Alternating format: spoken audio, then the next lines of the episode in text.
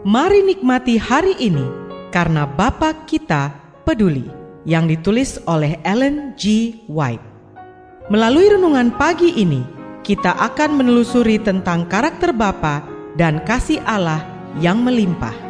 Bersama Pendeta Andre Daimbani, selamat mendengarkan.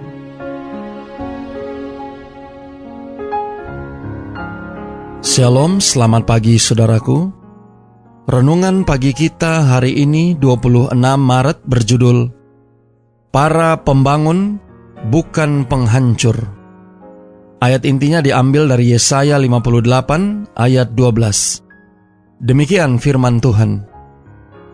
Engkau akan membangun reruntuhan yang sudah berabad-abad dan akan memperbaiki dasar yang diletakkan oleh banyak keturunan. Engkau akan disebutkan yang memperbaiki tembok yang tembus, yang membetulkan jalan supaya tempat itu dapat dihuni. Mari kita dengarkan penjelasannya. Apakah Allah tidak memiliki gereja yang hidup? Dia memang memiliki satu gereja, namun gereja militan, bukan gereja pemenang. Kita sedih karena ada anggota-anggota yang kurang baik Sementara Tuhan membawa orang-orang yang benar-benar bertobat ke dalam gereja, pada saat yang sama, iblis juga membawa orang yang tidak bertobat ke dalam persekutuan itu. Sementara Kristus sedang menabur benih yang baik, iblis juga menabur benih jahat. Ada dua pengaruh yang berlawanan senantiasa ada di dalam gereja. Satu pengaruh bekerja untuk memurnikan gereja, dan yang lain untuk mencemari umat Allah. Meskipun terdapat kejahatan di dalam gereja dan akan tetap ada sampai kesudahan dunia, gereja di akhir zaman ini harus menjadi terang dunia yang ternoda, terang bagi dunia yang dikacaukan oleh dosa. Hanya ada satu gereja di dunia yang saat ini sedang berdiri melawan musuh sedang membangun pagar, membangun reruntuhan yang sudah berabad-abad, dan bagi siapa pun yang ingin menarik perhatian dunia dan gereja-gereja lain kepada gereja ini yang mencelanya sebagai Babylon adalah melakukan suatu pekerjaan yang sejalan dengan dia yang menjadi para pendakwa saudara-saudaranya. Seluruh dunia dipenuhi dengan kebencian dari mereka yang menyatakan permintaan mengikat dari hukum Allah, dan gereja yang setia kepada Yahweh harus terlibat dalam konflik yang tidak biasa.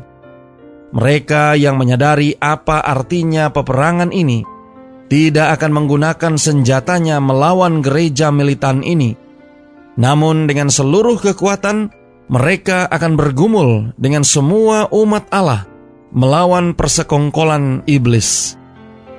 Saudara-saudara yang kekasih di dalam Tuhan, mereka yang mulai mengabarkan pesan dengan tanggung jawab individu mereka sendiri, yang meskipun mengaku diajar dan dituntun oleh Allah, namun merusak apa yang telah dibangun Allah selama bertahun-tahun dengan menyangkanya sebagai tugas istimewanya, mereka ini tidak sedang melakukan kehendak Allah.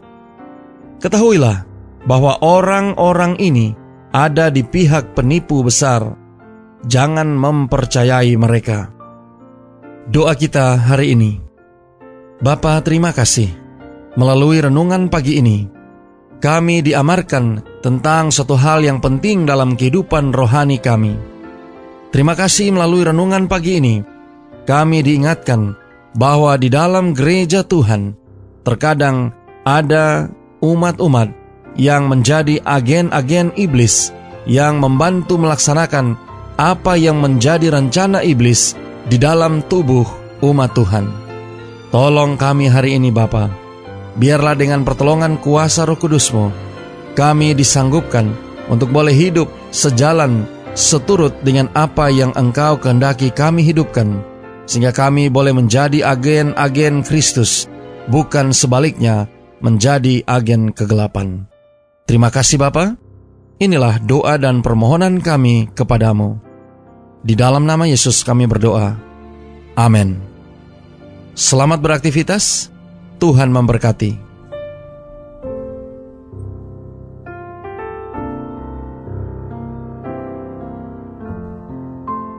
Demikianlah tadi pembahasan tentang Bapa Kita Peduli.